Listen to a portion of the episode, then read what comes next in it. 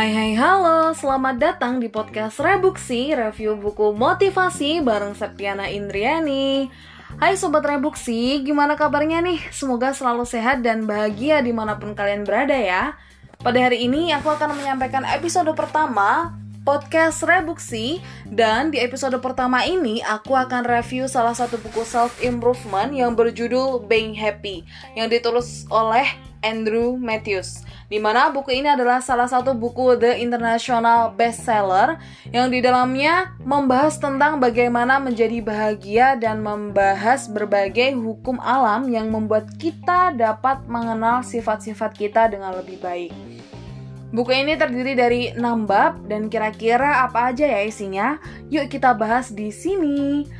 Pertama, dalam buku ini dibahas mengenai pola-pola bahwa apa yang kita pikirkan dan harapkan akan mempengaruhi bagaimana dunia ini memperlakukan kita. Di mana dalam buku ini dijelaskan bahwa pola perilaku itu terbentuk sejak lahir, jadi sifatnya menetap dan bertahan. Terdapat dua pola, yaitu pola positif dan pola negatif.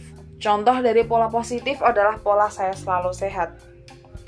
Ketika program bawah sadar kita, kita atur dan kita selalu merasa sehat, maka dunia juga akan memperlakukan kita seperti itu. Kemudian, untuk contoh pola negatif adalah pola penyakit. Pernah nggak sih kita menjumpai orang yang memiliki pola penyakit? Ada sebagian orang yang dia selalu merasa sakit flu dan batuk setiap malam hari saja. Ada lagi sebagian orang yang merasa dia akan selalu sakit demam setiap dua minggu sekali. Nah, sebenarnya pola-pola itu terbentuk dari pikiran bawah sadar kita sendiri, dari pikiran kita sendiri, apa yang kita tanamkan dalam pikiran kita. Namun, untuk pola yang negatif, bisa nggak ya apabila kita ingin merubahnya? Nah, jawabannya adalah bisa, karena di sini disampaikan hidup akan berubah jika kita berubah. Ketika kita ada keinginan untuk merubah hal itu, maka itu bisa untuk dilakukan. Namun, di setiap perubahan pasti akan mendapati suatu tantangan dan untuk mengubah pola-pola yang kita miliki sebelumnya itu tidak selalu mudah, tetapi sangat mungkin untuk kita lakukan. Nah, kira-kira langkah besar apa yang bisa kita ambil untuk dapat mengubah pola negatif itu? Salah satu langkahnya adalah mengubah cara kita berpikir menjadi lebih positif dan berbicara tentang diri kita yang positif bahwa sebenarnya di sini disampaikan kita menarik apa yang kita pikirkan dan segala sesuatu yang kita pikirkan akan mempengaruhi reaksi kimia tubuh kita dalam waktu yang singkat. Maka, kita harus berpikir yang sehat dengan pikiran-pikiran yang membahagiakan. Juga jangan lupa untuk selalu mencintai dan memperlakukan diri kita sendiri dengan baik. Karena kita ketika kita berpikir positif, berpikir dengan sehat dan bahagia, maka itu akan membawa diri kita menuju ke arah situ juga. That's point. Itu adalah dari uh, poin yang kita ambil di bab pertama. Kemudian yang kedua, ini dibahas juga mengenai hidup saat ini. Hidup saat ini dengan terus melakukan hal-hal produktif dan tidak mengkhawatirkan masa yang akan datang. Disampaikan bahwa hanya saat inilah yang kita miliki, dari sudut pandang ini menyatakan bahwa kunci kebahagiaan dan kepuasan itu terletak pada pemusatan pikiran kita saat ini. Dengan hidup saat ini, maka kita mengembangkan kesadaran kita untuk membuat masa sekarang jadi lebih menyenangkan.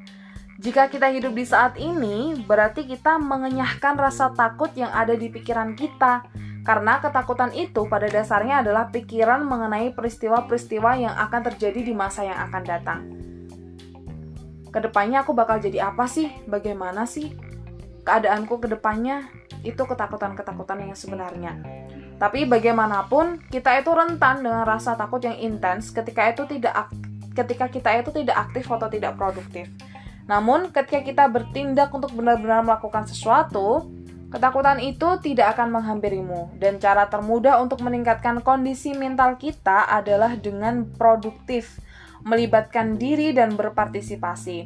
Lakukan sesuatu apa saja dan libatkanlah diri kita di setiap kesempatan yang ada. Sementara menunggu, kerjakan hal lainnya dan nikmati proses yang kita lalui dan jangan takut dengan hasil akhirnya apa pun itu. Karena yang terpenting adalah suatu prosesnya. Nah, kebahagiaan terkadang memang membutuhkan kerja keras. Namun, di sini disampaikan bahwa sebenarnya kita sendirilah yang menentukan kebahagiaan itu atau kebahagiaan yang ada dalam diri kita. Terdapat perumpamaan di sini bahwa di depan jendela yang sama, seseorang melihat pemandangan yang indah, sedangkan orang lain melihat kaca jendela yang kotor. Nah, tinggal kamu pilih yang mana. Sebenarnya semua itu adalah tergantung dari sudut pandang mana kita melihat. Begitu juga dengan kebahagiaan tergantung kita memilih bahagia atau tidak. Dan salah satu tang salah satu tanggung jawab kita yang terbesar terhadap orang lain adalah berbahagia. Pada saat kita senang, kita merasa lebih baik kita bekerja lebih baik dan orang-orang ingin berada di dekat kita. Karena saat ini adalah satu-satunya waktu yang kamu miliki, lakukanlah sesuatu yang berarti saat ini dan jangan lupa untuk bahagia. Kemudian lanjut di bab 3, di sini membahas tentang pikiran Anda. Nah, ada salah satu kata yang menarik pada bab ini. Di sini dikatakan bahwa Pikiran adalah awan tak kasat mata yang berusaha mengumpulkan semua hasil untuk kita. Pikiran menentukan apa yang kita peroleh. Bagaimana pikiran yang ada dalam benak kita itu bisa menentukan apa yang kita peroleh? Prinsipnya di sini dikatakan, pikirkan sesuatu dan Anda akan bergerak ke arah itu. Pikiran yang membawa kita bergerak ke arah itu, ke arah apa yang kita pikirkan. Karena kita akan selalu condong ke arah pikiran yang selalu mendominasi kita. Maka dari itu, jangan lupa untuk selalu berpikir positif dan pikirkanlah mimpi-mimpi kamu, tujuan hidup kamu, dan apa yang kamu inginkan. Karena kamu akan berlari ke arah itu untuk mencapainya. That's point, dan pada bab keempat ini membahas mengenai tujuan. Di bab ini membahas tentang penentuan dan pencapaian tujuan, mengapa kita harus menyusun tujuan dan beberapa prinsip yang harus kita ingat dalam proses meraih tujuan. Frank dalam bukunya yang berjudul Man's Search for Meaning menulis kisah hidup dalam kamp konsentrasi selama Perang Dunia Kedua. Ia mengamati bahwa orang yang selamat dalam camp bukanlah orang yang paling kuat atau paling sehat atau paling banyak makan atau paling pandai. Dari pengamatannya tertangkap bahwa yang berhasil selamat adalah ia yang memiliki alasan untuk hidup atau ia yang memiliki tujuan. Nah, terdapat dua hal penting yang disampaikan di sini bahwa mempunyai tujuan itu adalah sifat manusia dan yang kedua adalah tak jadi soal apa tujuan kamu. Yang penting kamu itu memiliki tujuan. Dan di sini juga disampaikan terkait dengan hukum presisi bahwa presisi adalah prinsip yang selalu memastikan bahwa kita akan memperoleh banyak hal selain tercapainya tujuan itu sendiri. Sebenarnya yang terpenting bukanlah tercapainya tujuan, akan tetapi yang kita pelajari dan seberapa jauh perkembangan kita dalam mencapai tujuan itu atau proses yang kita jalani untuk mencapai tujuan yang kita inginkan. Dan terdapat salah satu tips di sini untuk memudahkan kita dalam menyusun rencana kehidupan kita yaitu dengan salah satunya tulislah daftar tujuan hidup kamu karena itu akan membuat kita terarah dan akan termotivasi untuk mencapai tujuan-tujuan kita. Dan dalam proses mencapai tujuan hidup itu pasti tidak selalu bergerak dalam garis lurus, pasti akan selalu ada tantangan, resiko, kegagalan, perlu usaha yang keras, perlu kedisiplinan dan juga keyakinan diri yang kuat. Nah, karena sebenarnya kita membutuhkan tujuan bukan untuk memperoleh apa yang kita inginkan, tetapi untuk membentuk diri kita. Poin yang dapat kita peroleh di sini adalah bahwa kita hidup itu perlu yang namanya tujuan. Dan ketika kita dalam perjalanan untuk mencapai tujuan itu, kita perlu proses yang panjang.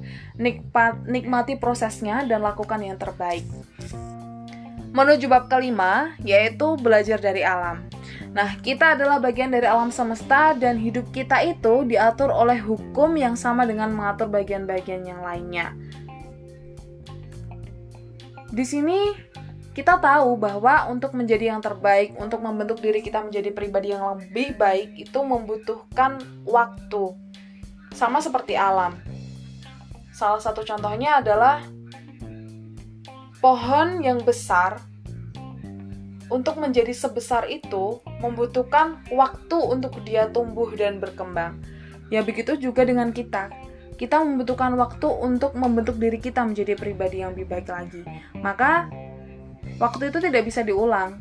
Manfaatkan waktu yang kamu miliki secara maksimal, terus bergerak untuk menjadi pribadi yang produktif, positif, dan sama halnya dengan kita, prinsip terus bergerak senantiasa mendorong kita untuk aktif dan terlibat dalam hidup ini. Dan dengan terus bergerak, kita tidak punya kesempatan untuk merasa khawatir tentang apa yang terjadi selanjutnya. That's fine. Dan menuju bab terakhir, ini adalah bab yang menegaskan bahwa di sinilah Anda mulai. Artinya, yang terpenting dari hal-hal yang disampaikan sebelumnya adalah action. Kita sekarang sudah mengetahui dari buku ini ada beberapa hal untuk menjadi bahagia di mana kita harus salah satunya harus memiliki tujuan, di mana kita harus mengubah pola pikir kita menjadi pola pikir yang positif, belajar dari alam, di mana kita harus terus produktif untuk membentuk diri kita menjadi lebih baik lagi. Dan ketika kita tidak memulai hal itu, maka hal itu tidak akan terjadi. Jadi, poin yang terpenting di bab terakhir ini adalah mari kita mulai. Karena apa yang kita pikirkan dan kita lakukan saat ini akan mengaruhi apa yang kita peroleh esok hari dan beberapa tahun yang akan datang. Hidup adalah proses membangun. Di mana pun kita berada, di situlah tempat kita memulai. Yuk, mulai dari sekarang, karena kalau bukan sekarang, kapan lagi? Terima kasih semuanya. Sekian untuk episode pertama Rebuksi dan selalu nantikan setiap episode terbarunya di hari Rabu dan Minggu. Catat harinya ya. Jangan lupa untuk follow dan selalu dengarkan podcast Rebuksi di Spotify ataupun platform podcast lainnya. Semoga bermanfaat dan terima kasih.